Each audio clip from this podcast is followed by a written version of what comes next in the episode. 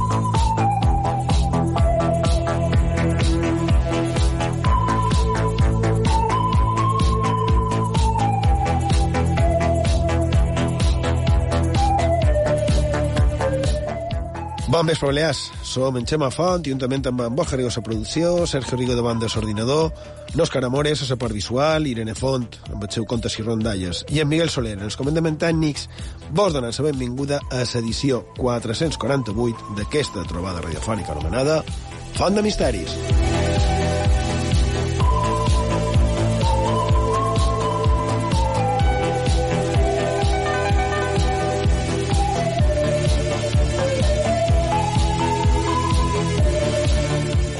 Bon vespre, Borja Rigo. Bon vespre. Sergio Rigo, bon vespre. Bon vespre, Xema. Bé, encetam l'edició dominical de Font de Misteris de 9 de febrer de 2023 i jo crec que podem anar a sumar-hi i començar. No ho trobeu?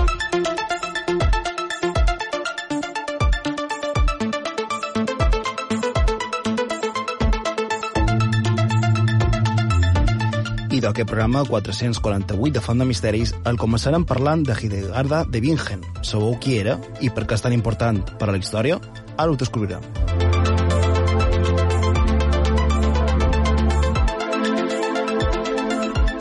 Després escoltarem a Irene Font i els seus contes i rondalles i una història relacionada amb l'aparició d'una dama blanca.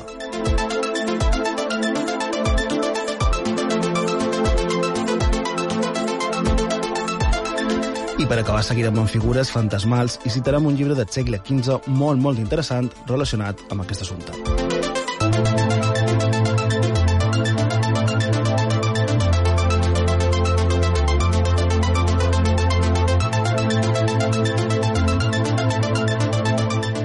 Recordem als oients que mos podeu enviar tot allò que vulgueu en els nostres mitjans de contacte. Ho podeu fer, com sempre, per WhatsApp i Telegram. El número de telèfon és 659 1669 52. Ho repetim, 659 1669 52.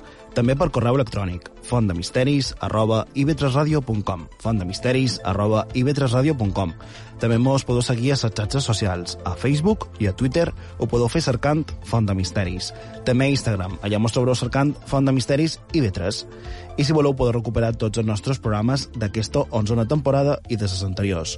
Ho podeu fer en el servei a la carta d'IB3 Ràdio, a ib3radio.com, a les diferents plataformes de podcast i a la nostra plana web fontdemisteris.com. I,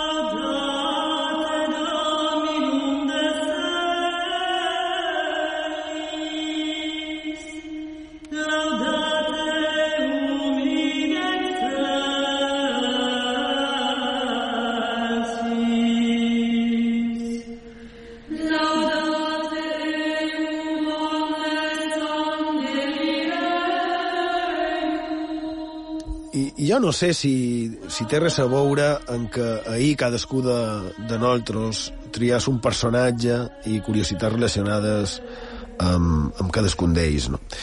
Però tu avui, Sergio, a la secció de Mont Diversos, tornes a venir amb un personatge d'aquests, com a mínim, això, curiosos, no?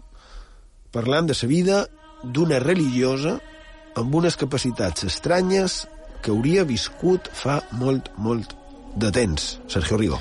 I d'avui a Font de Misteris, Xema Borja, volem conèixer la història al voltant d'una dona bastant desconeguda per a cara veureu la quantitat de coses que va fer. Ara aprofundim, si ho et sembla, en sa vida de sa badesa Hildegarda de Bingen.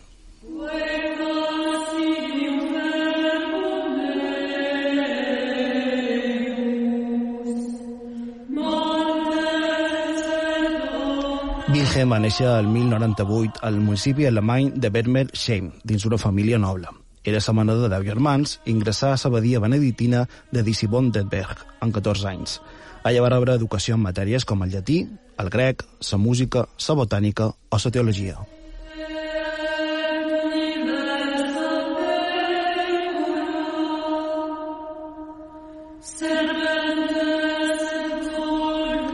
Es sap que en 18 anys va prendre els hàbits en aquesta ordre i se va convertir en abadesa 20 anys després, fundant un primer monestir exclusivament femení.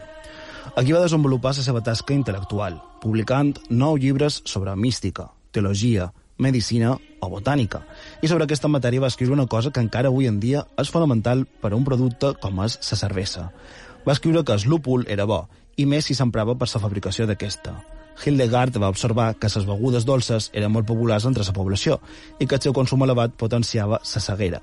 En aquest sentit, l'amargor de la cervesa, amb aquest ingredient, contrastava l'abús d'aquesta i, a més a més, feia que es mantengués en els temps. Què vos pareix fins aquí?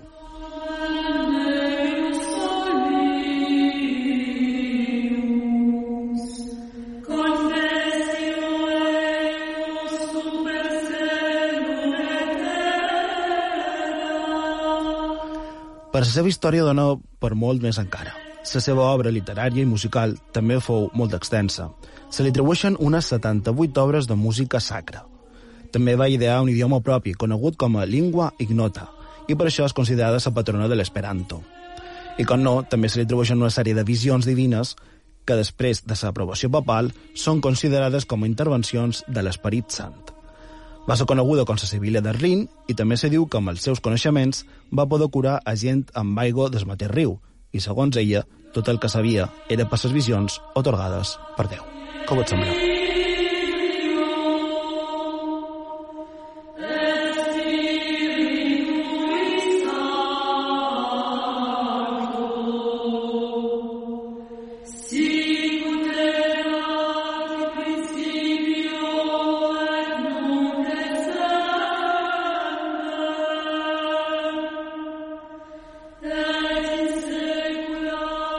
Jo personalment me sembla fascinant, no? Aquella dona del segle XI a saber, eh, vaig estar en el seu dia repassant damunt la seva vida principalment perquè en Borja en un parell d'ocasions ha anat triant al llarg d'aquestes 11 temporades la seva música de Nahil Delgarda com a sintonies de, de fons, no? I, clar, poder escoltar la música d'una compositora del segle XI no deixa de ser molt curiós, clar. De fet, Borja, crec que no m'equivocaré si te deman que què estem escoltant ara mateix. Efectivament, estem escoltant una de les 78 obres de música sacra que va composar, que va composar Anna Hildegard de Bombingen. En aquest cas és una obra titulada Laudate Deum i ara ho estic dient de cap, però crec que de les 78 crec que no em parla de 10-10, si mateix. Així mateix. Sí. Bé, recordem la fricada que feim de Font de Misteris de no repetir mai cap música Efectivament. de les que posam. Vull dir que ja estirem calcul que a prop de les 2.000 cançons diferents emprades a Font de Misteris i de Nahil Delgarda i damos encara mos podrien quedar tal vegada pues, una cinquantena, perquè no crec que totes s'adecuïn a, a, com a música de fons del programa, no? No ho sé, l'he escoltada en profunditat i és un petit repte. Se pot fer. Per cert, en Sergio comentava una cosa damunt ses visions que va tenir aquesta dona i és el que sentíem precisament en Estai, en Estai Zero, Hem escoltat sí. un, un bocinet de, de sempre fantàstic Jesús Callejo parlant d'aquesta dona i parlant de que va tenir ni més ni manco que 26 visions, que no són poques. Bueno, va deixar recollides 26 Exacte. visions. En va tenir, eh, sembla que bastantes més. Um, però estàvem amb això que componia música i que a part d'això eh, um, hi ha un caramull de coses, no, realment, que criden l'atenció d'aquesta dona. Com, per exemple, això d'haver inventat un llenguatge per la qual cosa, com, com has dit, Sergio, és la patrona dels esperantistes i crec que també dels lingüistes en general. Clar, l'esperanto és una llengua artificial, aquell somni de tractar que una llengua fos universal. I d'aquesta senyora, en la seva llengua ignota, ja ho va intentar fa de més mil anys.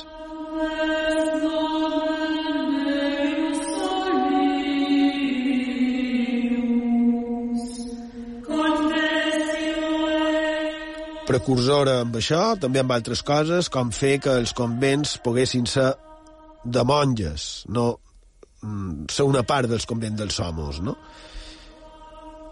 I, i també amb allò de tenir visions que ara comentàvem, tenia visions, diguem que del més enllà, que varen ser acceptades per la jerarquia eclesiàstica de l'època i precisament li varen dir que les havia d'anar escrivint.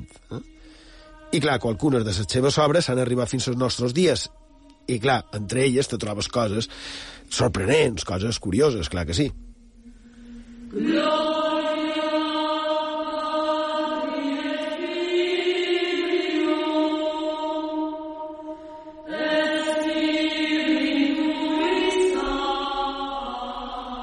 Si jo ara, per exemple, demanés quina és una de les, diguem, tres representacions més famoses d'en Da Vinci, jo crec que en general se podria dir, se podria respondre així, de cop, idò, la Gioconda, el darrer sopar, per exemple, i Somo des Vitruvi, eh? aquell dibuix que jo crec que tot tenim en escapat d'un home amb els braços i les cames estesos dins un cercle i a la vegada dins un quadrat. No? Ell ho va fer com a mostra de la perfecció de les proporcions humanes, molt bé. Es diu de Vitruvi perquè ell, en, en Da Vinci, diuen que es va basar en un romà que ja parlava de les proporcions, dels cànons de bellesa, eh, de, els cànons de bellesa de l'ésser humà. Eh? I d'aquesta polifacètica dona, jo diria que es va adelantar en aquesta figura dins un cercle semblant a aquesta de Somo del Vitruvi. Y es que en una de sus seves visions, ejemplo, diu, y por fin en el centro de esta rueda aparece una imagen de hombre cuyo cabeza alcanza la parte superior y los pies la parte inferior del círculo de aire denso, blanco y luminoso. Por el lado derecho, la punta de los dedos de su mano derecha y por el izquierdo, la punta de los dedos de la mano izquierda están estirados y llegan hasta el mismo círculo, tocándolo en dos puntos diferentes de la circunferencia. La razón por la que la imagen ha extendido los brazos porque en la estructura del mundo el hombre está como en el centro, ya que es más poderoso que todas las otras criaturas que están, sin embargo, en la propia estructura.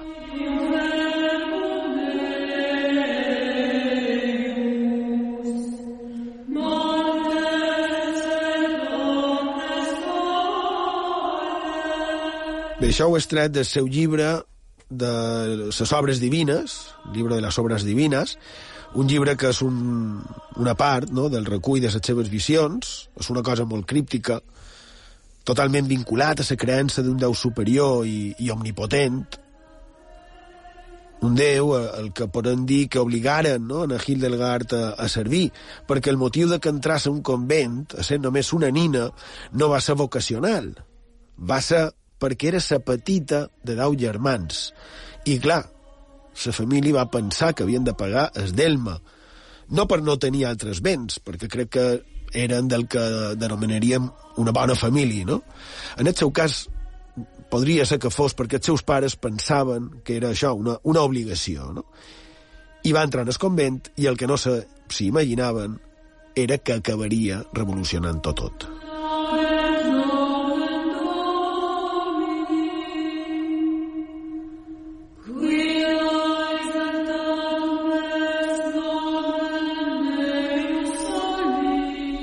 Va fins i tot parlar de l'anticrist i del judici final. Eh? Però me sorprèn que fos amb un caire com a positiu, com a esperançador, no? I deia, el que no me sorprèn, malauradament, és que la història l'hagi eclipsada i jo diria que fins i tot amagada.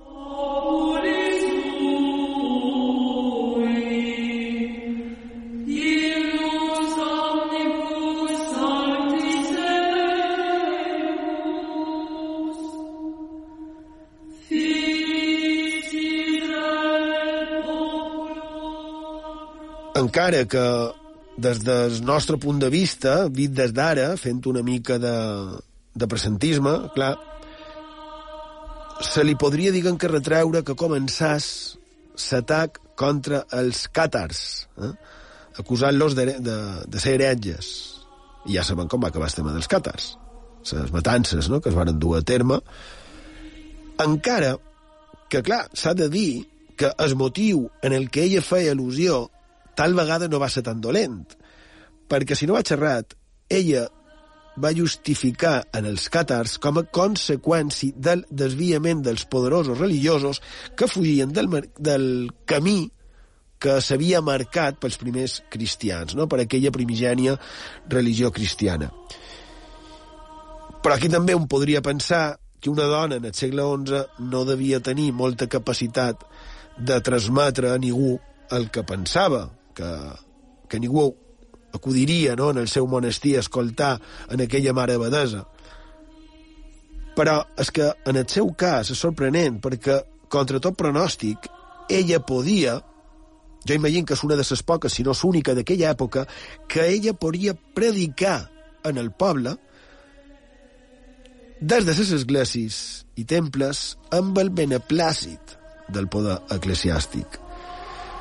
Clar, tot això és molt estrany, perquè parlant d'una dona que, que en vida, és a dir, ella mateixa, ella afirmava tenir revelacions, tenir visions, i fins i tot poder senador. I tot això obtingut de manera, no sé com dir-lo, paranormal, tal vegada, i fins i tot en el seu llibre Méritos de la vida diu en el... diu el pròleg que ella va afirmar que todas las cosas que escribí desde el principio de mis visiones o que vine aprendiendo sucesivamente, las he visto con los ojos interiores del espíritu y las he escuchado con los oídos interiores, mientras, absorta en los misterios celestes, velaba con la mente y con el cuerpo, no en sueños ni en éxtasis, como he dicho en mis visiones anteriores, no he expuesto nada aprendido con el sentido humano, sino solo lo que he percibido en los secretos celestes.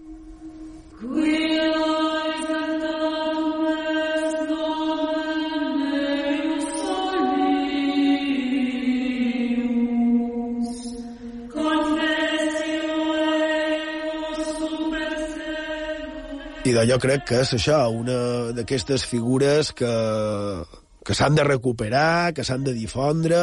Uh, de fet, hi ha una marca, com a mínim hi ha una marca de cervesa que ara m'ha vengut en el cap que du un nom molt vinculat a ella, però, però jo penso això, no? I a més, com pot ser que aquesta senyora afirmés i que no li passés res, dient que tenia visions, que tenia eh, aquesta mena de poders. Clar, és, és un d'aquests casos estranys que qualque vegada han comentat i que, i que mostra clarament l'arbitrarietat de, del poder eclesiàstic.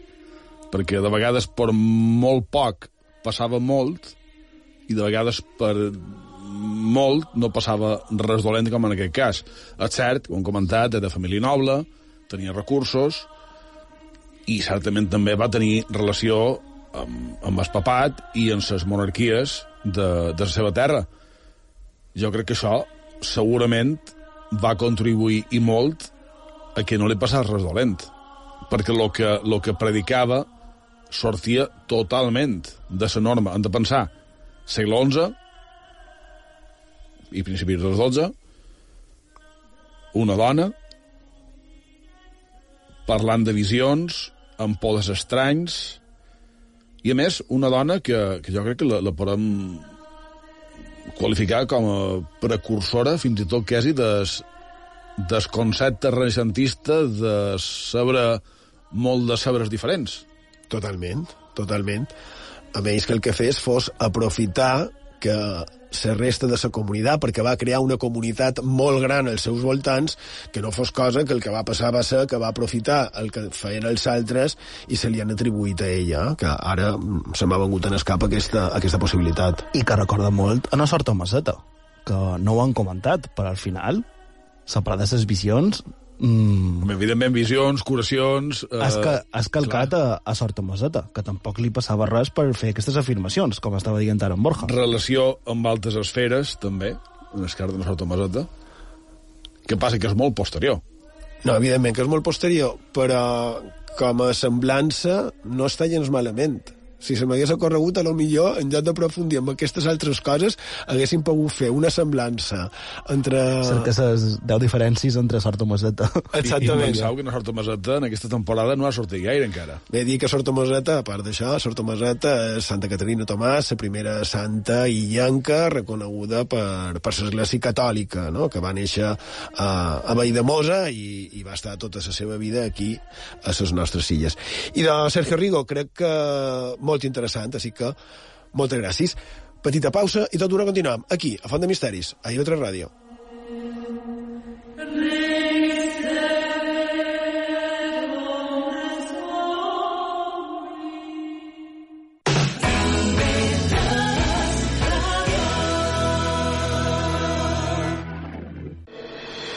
Aquest dilluns, entre avui i demà, posant veu el col·lectiu LGTBI en l'esport, sentirem per primera vegada el testimoni de Xavi Folguera, exjugador del Palma Volei, que trenca el seu silenci per fer pública la seva homosexualitat.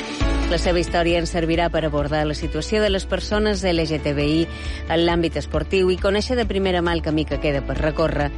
Entre avui i demà, de dilluns a divendres a les 8 del vespre, amb Araceli Bosch. Hi ha molta gent jove que surt. La qualitat és molt bona. S'ha obert molt el ventall d'estils. Abans, el que et xerraven abans, hi havia pop rock, heavy, i ja està. Els músics i els seus ecos. Ara mesclem més electrònica, folk... Hi ha de tot. Hi ha de tot. I molt. a més, jo sempre ho he dit, un dels baremos és estendre de música. Diorama. Si els estenders de música hi ha moviment, que veus que reposen guitarres, que tal, això vol dir que els grups estan cresquent a tope. De dilluns a dijous, de 10 a 11 del vespre. Amb Mònica Borràs. IB3 Ràdio és Esport. Somos Zombie Biloni, Javier Aguirre. Muy buenos días. Hola, buenos días, bienvenido. Som al circuit de Llum Major amb Augusto Fernández. Se campeón del mundo y después del debut en MotoGP. Es un son y fe realidad. Ethan, com estàs? No veia el momento en el cual estaría aquí en Mallorca. Ada Nion, a la seu de la UEFA. José Tirado, molt bon dia. Es un año para vivirlo, para disfrutarlo. Cintia Rodríguez, per què ara? Perquè sóc jo la que diu basta i no sóc jo noi. Avui farem una sessió d'avaluació. Tot l'arribar a passaporta d'IV3 tapant son ull i ell ja és un pirata. Si li hem de posar nota a ell. L'equip d'esports i els esportistes de les Balears de dilluns a divendres a la una a IB3 Ràdio.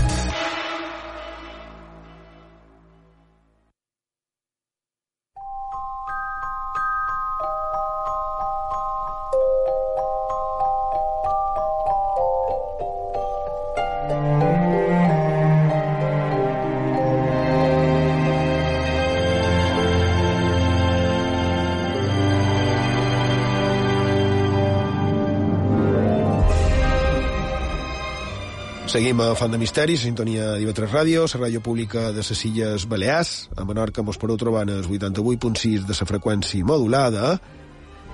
I aquesta sintonia vol dir que anem ara en la secció que nosaltres anomenem Contes i Rondalles, on Irene Font cada setmana mos du això, qualque contarella, qualque llegenda, qualque rondalla, que li hagi pogut cridar l'atenció. Bon vespre, Irene. Bon vespre, Xema. Què mos dus avui? Bé, la veritat és que la meva idea era tractar un altre tema avui, però després del que, del que va contar en Borja pel Dia dels Enamorats, la veritat és que no m'he pogut resistir. Però crec que el millor és no repetir el que va contar ell. Si qualcú vol, vol o teniu el, el programa de diumenge passat, el 445, crec que era. Correcte, 446. Sí, i que per cert jo també vaig contar a la secció una història d'amor, direm que surrealista, però en Borja va ser una mica una mica més extrem. Així que ja que som, modificaré el que tenia previst i també, encara que amb uns dies de retard, contaré una història d'amor.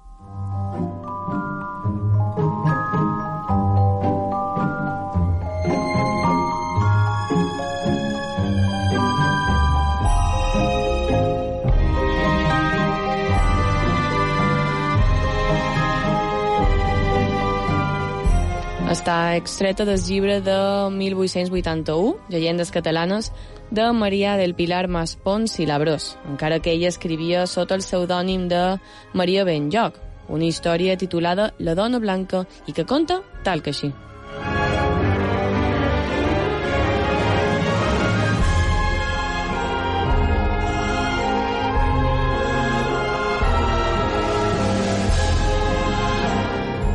Un paratge muntanyenc, que endevinem com a idíl·lic, es trobaven dos joves, i mentre ella filava, ell seguia fent les mateixes preguntes que sempre feia. Mai no em daràs esperança? I ella responia, mai. Creus que un altre més que jo t'estimaria? No. I doncs, per què em rebutges? No ho sé. Ell no entenia la seva actitud. Per què el rebutjava? Fins i tot pensava que ella, conscient de la seva bellesa i la seva capacitat, esperava que arribés qualque cavaller a aquelles conrades que li demanés en matrimoni, despreciant-lo a ell, a un simple pastor de les muntanyes d'aquella vall.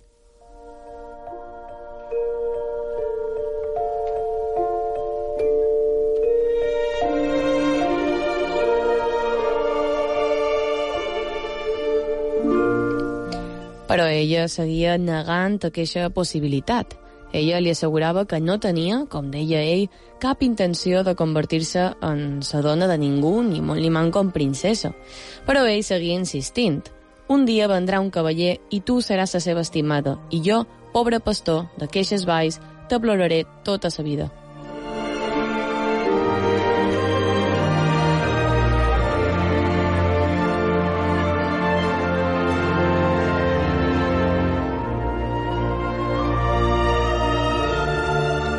Però ella seguia amb la seva fermesa, negant tal possibilitat. Semblava tenir-ho ben clar. Mai acceptaria una proposta com aquella.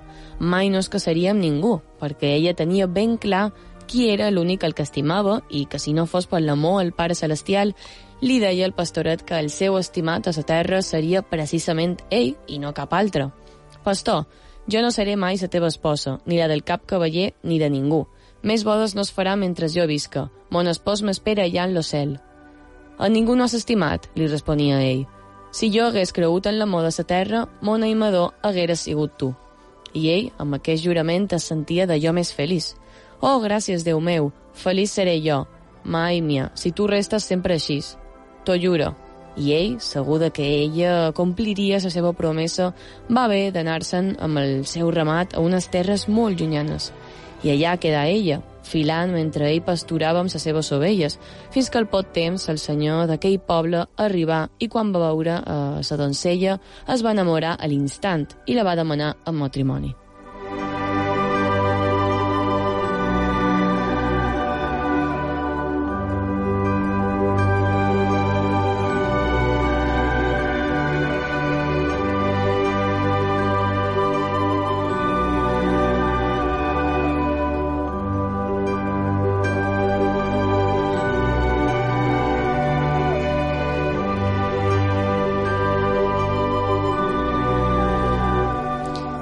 Deia que no volia casar-se, però que ell noble, tot poderós, en veure que no la podria aconseguir per mort de la seva decidida postura, va canviar la seva estratègia.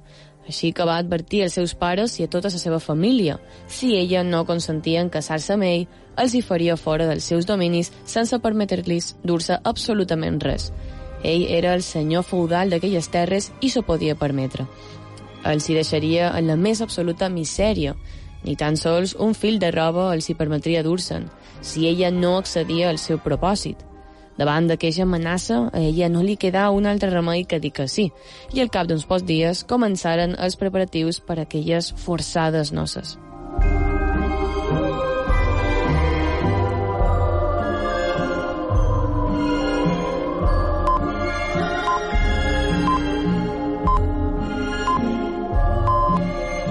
Seria una festa d'allò més gros, tots els pobles i gens de ses conrades assabentades, que ara rebien almoines d'aquell senyor, el mateix que havia amenaçat a sa família de sa seva dona, que ara es mostrava generós. Tot eren balls, festa i alegria. Bé, tot no, perquè ella plorava tota desconsolada, i en això que el pastor, que des de les muntanyes sentia el tocar de les campanes i veia els moviments i com se engalanava tot el poble, i anava a veure a mi què passava. quan li digueren agafar el seu bastó, el seu ramat i se'n tornar cap a les muntanyes. Ara, cap a la més alta on no pogués sentir ni veure cap cosa relacionada amb aquella celebració. Però al vespre les lluminàries es veien des d'allà dalt, així que es va fer una mena de cabanya, amb uns pals que va cobrir amb herbes i fullaca amb la intenció de, des de dintre, no veure ni enterar-se del que passava allà fora.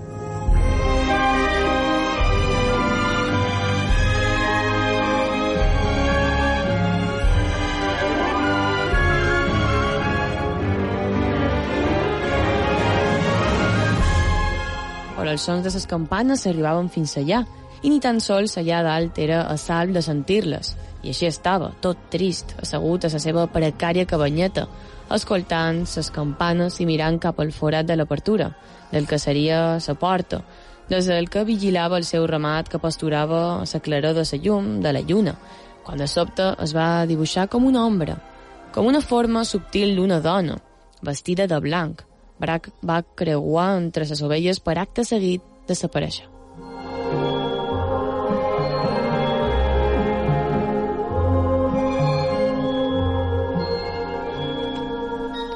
Ell va pegar un bot, va sortir ben ràpid del seu refugi per... però no la va veure. Res, allà no hi havia ningú.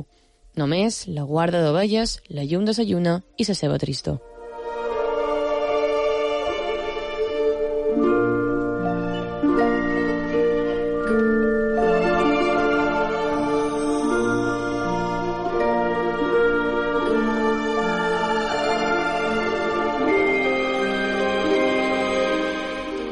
Següent va seguir allà mateix, però aquella estranya presència de la nit anterior, malgrat no haver-la pogut veure del tot ni amb claretat, li va fer pensar que tal vegada podia ser que hi hagués qualcú per allà, o el que seria pitjor, que hi pogués saber qualque bruixa. Així que va optar per fer el refugi més gros per poder guardar al vespre les ovelles amb ell. I per si un cas era això, cosa de bruixes va fer la senyal de sa creu allà on era el portal i s'amagà un altre pic allà dintre, amb l'esperança de no sentir ni ara tampoc veure res. Però es va tornar a repetir el mateix que la nit anterior. Són ara les campanes del poble, les sentia perfectament i a la vegada que la tristor més extrema s'apoderava d'ell va tornar a veure aquella figura femenina, aquella dona blanca que ben a prop seu s'acostà cap a les ovelles que encara eren fora. Va tornar a tractar de saber qui o què era, però no va poder saber. Només que era una figura com a lleugera d'una dona que anava de blanc i que a l'instant va desaparèixer.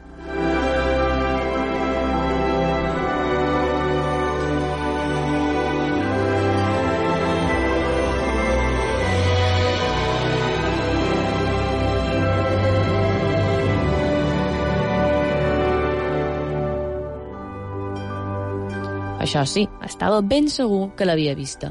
No sabia què era, però que hi havia qualque cosa segur. Per aquell següent vespre el que va fer va ser posar una porta al que havia estat el seu petit refugi i ara ja la seva cabanya.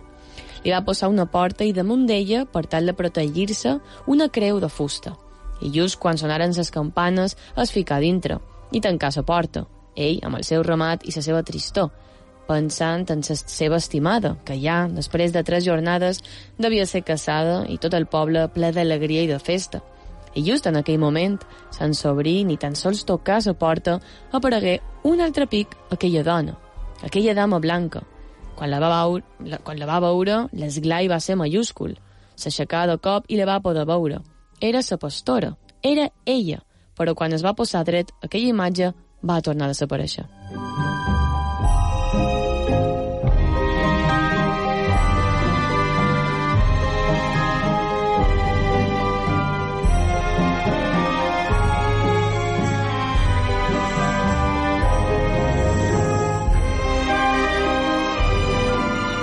Poques ganes li quedaren de romandre més temps allà. Tanmateix havia fugit i se la trobava de cara, així que el sendemà decideix baixar cap al poble. I quan estava arribant es va trobar que el que ell pensava que seria tot una festa era tot el contrari, semblants tristos, gens endolades i les campanes que ara sí se'n sentien bé i sabia que sonaven a mort, i aviat va saber què passava. L'hermosa pastora acabava de ser enterrada amb el seu vestit blanc de núvia i amb les joies que li havien fet posar per desposar-se. I és que just en el moment que va dir el sí, va caure en redó.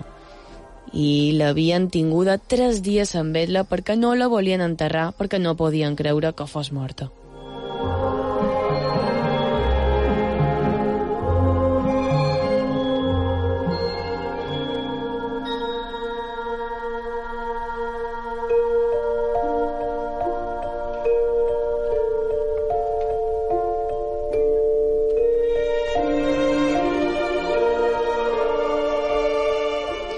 Aquell vespre el pastoret es va tancar ja no a una cabanya a la muntanya, es va ficar a una cambra a una casa de pallers, a una petita i alta finestra on es va asseure damunt d'un jaç de palla i va pensar avui sí que no vindria a visitar-me, perquè no voldrà entrar dintre una casa. I recordant a Saimada, s'englotava i aparegué llavors la lluna, i per entre els espessos borròs de ferro de la finestra entraren sos rats i anaren espacint-se com si hagués nevada polseguera, i entremig d'aquella boira, d'ella mateixa, en sortí la dona blanca. El pastor llavors s'allenallà i li digué «Què vols de mi, que així te m'apareixes?» I la implacable sombra amb dolça i mística veu respongué «Quan jo era així en la terra vaig estimar-te, més ton amor vaig sacrificar a Déu, i Déu acceptar mon sacrifici i em lliurar de les mans del malvat que mon sagrament no respectava.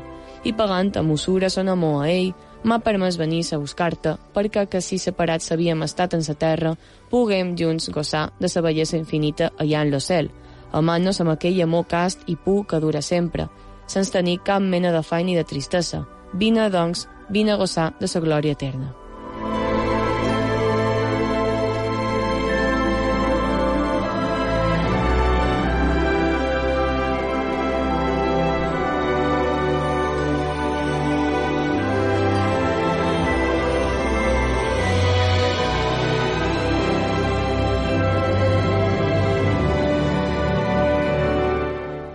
Lo pastor se passà la mà pels ulls i mirà per tots costats.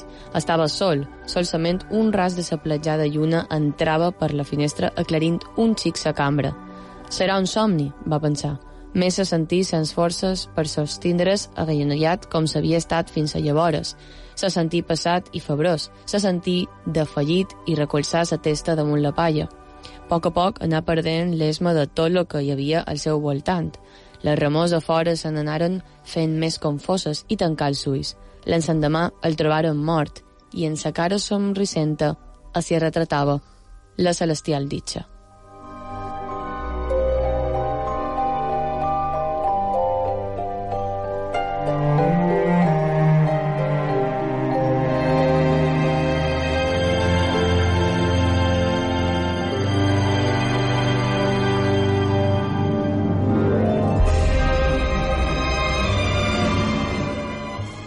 I davall a quin final.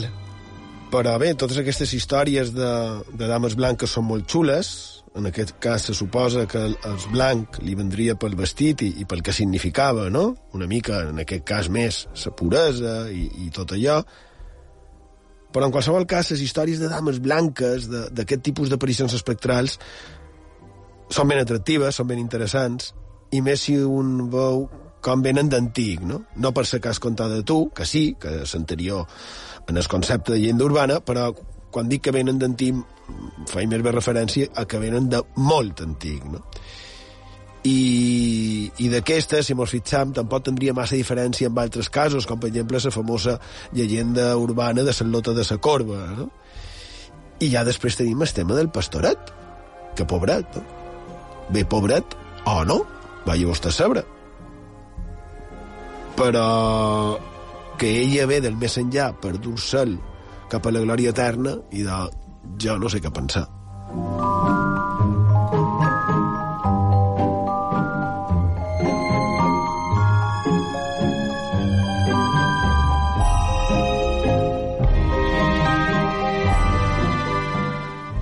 I de sigui com sigui, estem davant d'un altre cas d'una aparició espectral que hauria vengut del més enllà per dur a terme qualque missió, qualque cosa que hagués quedat pendent, qualque fet de justícia. Eh? que ara que ho pens, el que podria haver fet hauria estat dur-se'n en aquell que la va obligar a casar-se. Dur-se'l a l'infant, vull dir, enviar-lo cap a l'infant. Si és que l'infant existeix, clar.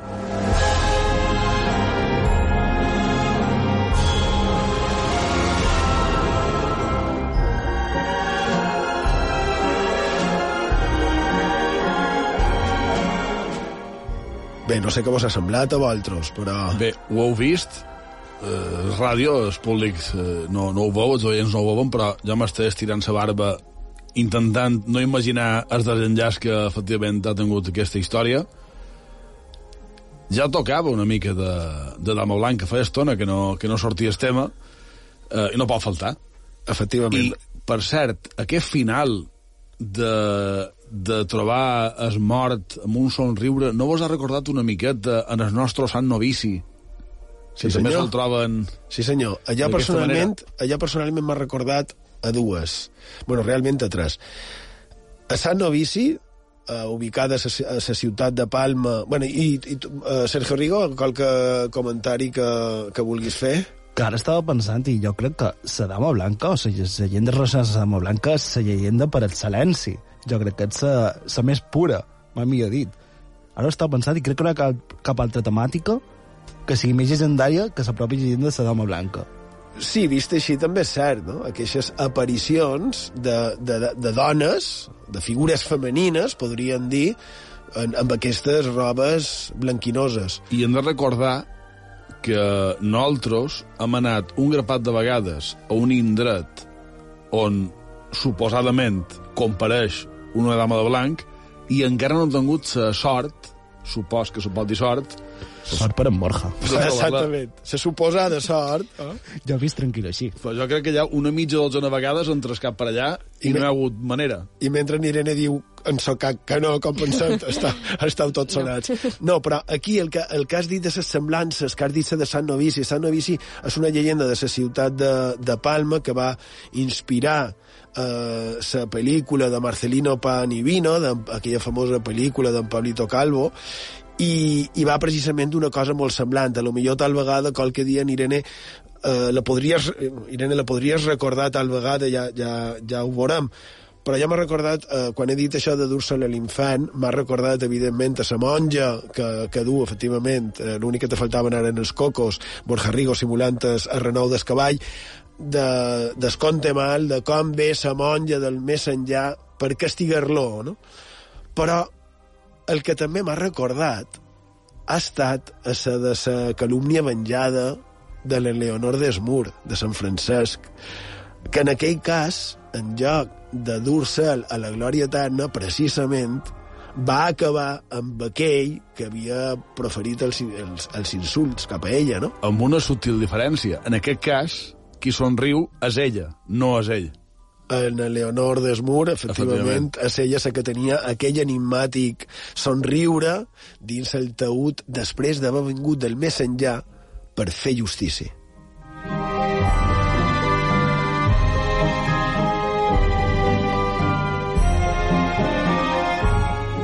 Bé, jo crec, Irene, que ha quedat palès, que has encertat de ple amb aquesta, tu has dit història d'amor, efectivament, en aquest cas estem parlant d'una història d'amor que jo pens que tal vegada podríem dir que és una història d'amor amb majúscules, no? És la- l'amor, podríem dir. I de molt xula, Irene, moltes gràcies. Gràcies a tu, Xema, i fins la setmana que ve.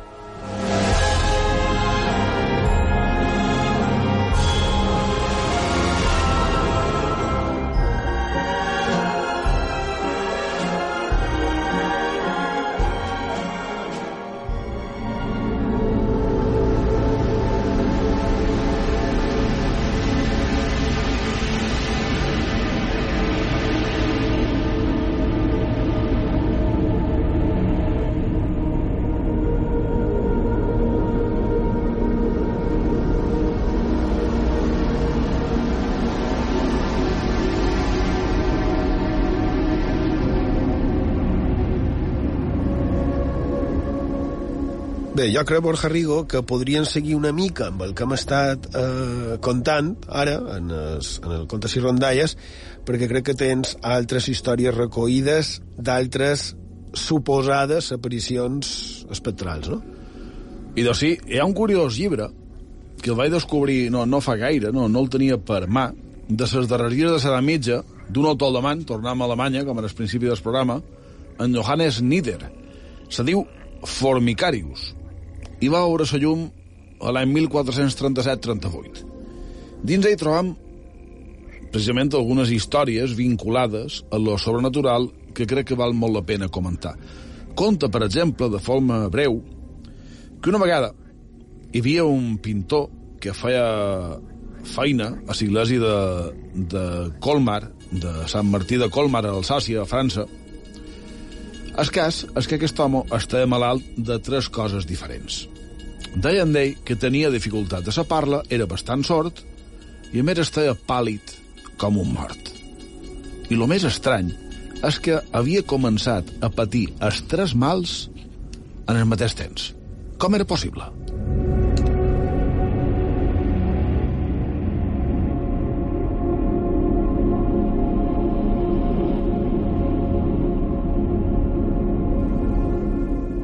Resulta que una nit, mentre aquell pintor caminava entre unes vinyes, li va compareixer un esperit. L'home sorprès va treure la seva espasa, li va atacar, i més sorprès encara va quedar quan, en pegar el cop, se'n van temer de que no hi havia res davant seu. A més, mentre intentava ferir aquella aparició, va sentir com un cop d'aire que travessava el seu cos i a partir d'aquell instant va quedar malalt.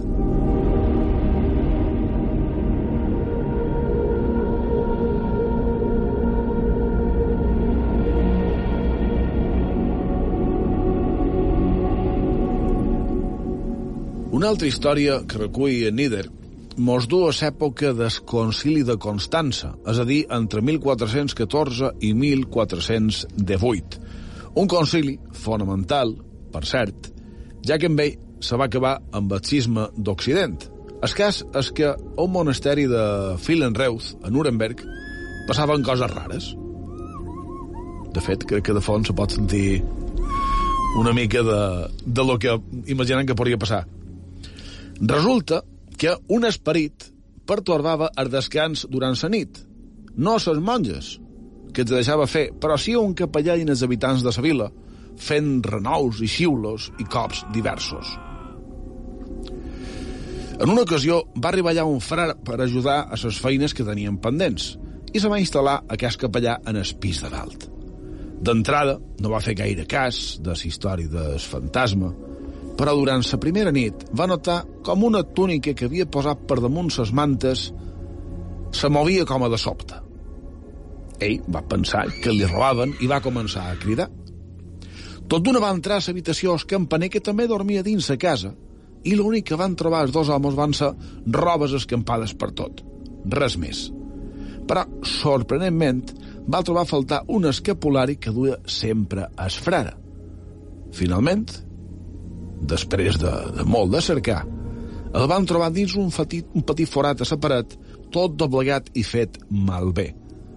Lo més estrany de tot això no és com va arribar l'objecte en el petit forat, sinó que just un any després dels fets, presència fantasmal va descompareixer per sempre.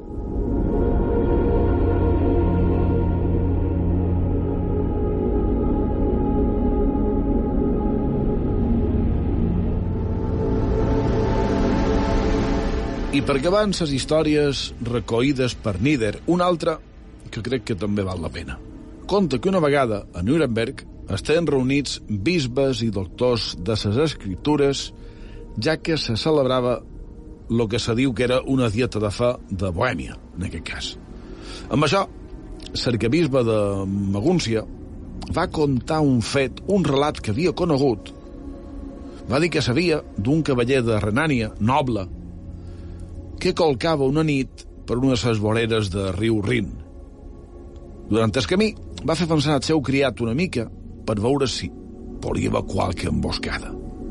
El criat va partir i, passant no gaire temps, se va topar amb tot un exèrcit que avançava a cavall cap a ell. Aquest home va veure entre aquell grup un cavaller que duien al costat o un cavall sense genet. En estar a prop, se'n van tema de que aquell home li sonava molt i li va demanar si era el seu cuiner. Aquell va respondre que sí, i fins aquí tot normal. Llevat un detall, un detall de no res. Aquell cuiner feia estona que era mort.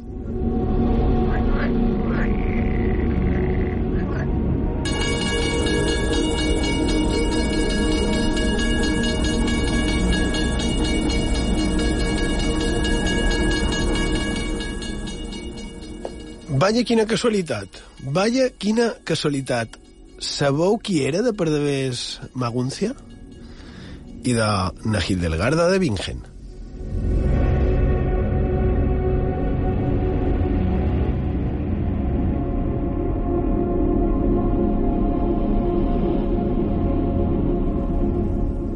Imagineu la sorpresa del criat i la meva sorpresa perquè ara no recordava aquest, aquest detall.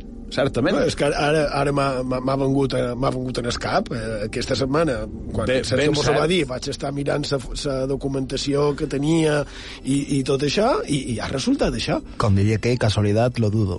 Eh, també podria ser, no? És, és el que se diria una, una serendipia. No deixa de ser curiós. Aquestes coses sempre mos, mos sorprenen. Segueix, perdona, segueix, que se mos acaba el temps. El que vos deia. Imagineu la sorpresa del criat en, en veure allò. Li va demanar en es mort on anava tot aquell exèrcit i que li va respondre que anaven cap a Jerusalem, que era la seva condemna. Després li va demanar per qui era aquell cavall que anava sense ningú damunt. I es mort li va dir que era per ell. I aquest, sense fer cas a la comitiva que ja havia arribat, i li deia naturalment que no ho fes, se va posar damunt la bèstia.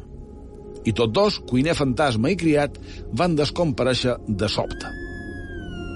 El sendemà, tots dos van reaparèixer davant aquell grup i el cuiner fantasma va parlar. Va dir que perquè no pensassin que tot allò havien estat visions de l'altre món, els entregaria dues coses. La primera fou un pedaç de pell de salamandra que quan s'embrutàs el podrien fer net en foc sense passar pena de cremar-lo. L'altra va ser un guinevet. El fantasma va dir que anessin alerta, ja que qui es ferís amb ell, que hauria enverinat sense remei. Dit això, el fantasma cuiner va desaparèixer.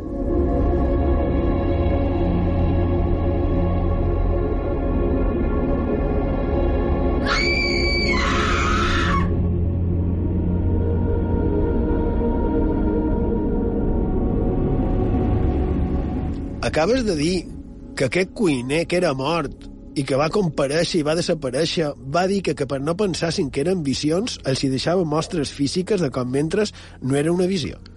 Has És a dir, això? efectivament, estem parlant de d'una història que va contar un bisbe, ni més ni manco, que l'havien contat ell, que la tenia per mà, i parla d'això, efectivament. És a dir, però és que penseu, hi ha un exèrcit fantasma. Bé, aquest que queda un poc en segon pla no compares molt.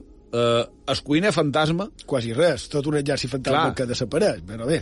Cuiner fantasma que veia, o sigui, es, cuin, es, es,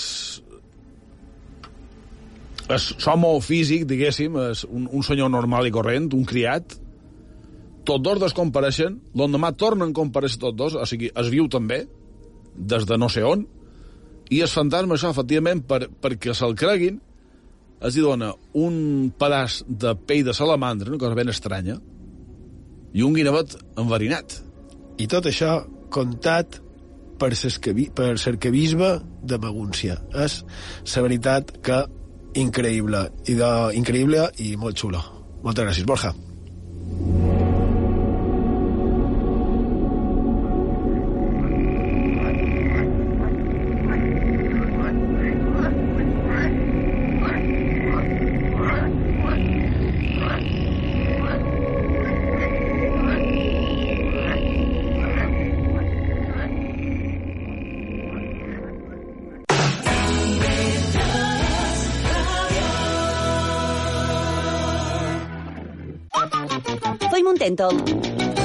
D'adobar. No sé si avui adobarem a Manacor. Jo crec que no. Tampoc no ho pretenem. Perdona, Sí, sí, sí, això avui- és com una oficineta de turisme. Li han demanat a la Margalida on són els foguerons, mos han demanat on és el aquest vermell, Per no, no és d'aquí, i mos han demanat eh, on és la parròquia de Mare de Déu dels Dolors. O sigui, Tentol és servei públic. Cada hora baixa, de 3 a 6, a IB3 Ràdio. Eclèctic, on conviuen totes les músiques. Eclèctic, amb Ferran Pereira. De dilluns a dijous, a les 11 del vespre, a IB3 Ràdio. Salut i bona música. Entusiastes, la teva hora de cultura, a IB3 Ràdio. Aquesta capacitat que tenen els objectes de vocació poètica van directe a un altre racó de la ment i del sentiment, ens porten realment a crear sentiments Pues universals. a partir d'ara, cada dijous, coneixerem una miqueta més del món de les sèries, del cinema i de l'audiovisual en general, gràcies a la nova col·laboració amb Serializados. Amb les persones que deien les mateixes paraules, que havien de fer els mateixos gestos, els mateixos recorreguts, però clar, aquell cos era un altre. De dilluns a divendres, de 6 a 7, entusiastes.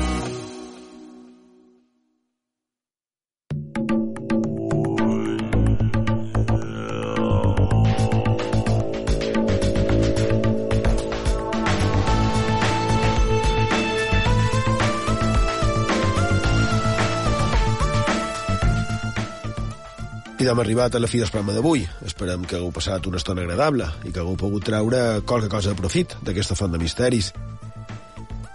I avui hem estat amb, amb històries antigues, de, de fantasmes, de coses de bruixes. I me'n vaig adonar que m'inspirava imatges com evocadores de temps passats, no? I, i amb això me va inspirar aquesta obra de 1931 d'en Bartolomé Rosselló Porcel. Poques paraules surten de les boques en calma. Els arbres del parc sembla que es perdin en llunyana visió de vell gravat, tota plena de màgica dolçor que fa pensar en vees enyorances. Quan s'acosti la fosca, les bruixes i les branques s'animaran com serps en lluita de fantasmes. La finestra clourem i voltarem la flama. El foc allargarà ombres esvalotades.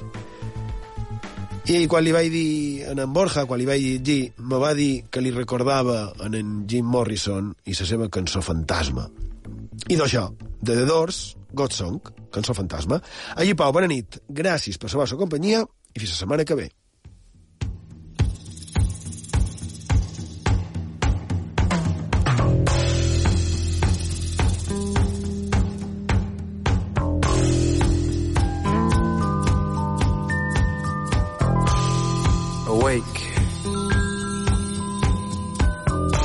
Dreams from your hair, my pretty child, my sweet one. Choose the day and choose the sign of your day, the day's divinity. First thing you see.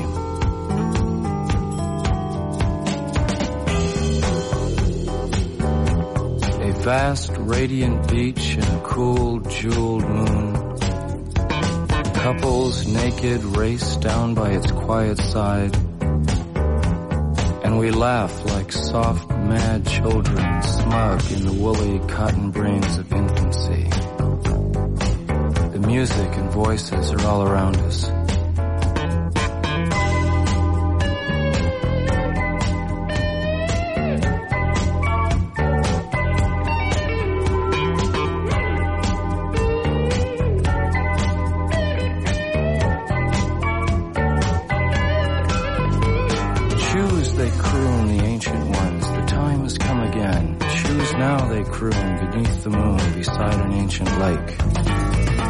Enter again the sweet forest. Enter the hot dream, come with us. Everything is broken up and dances.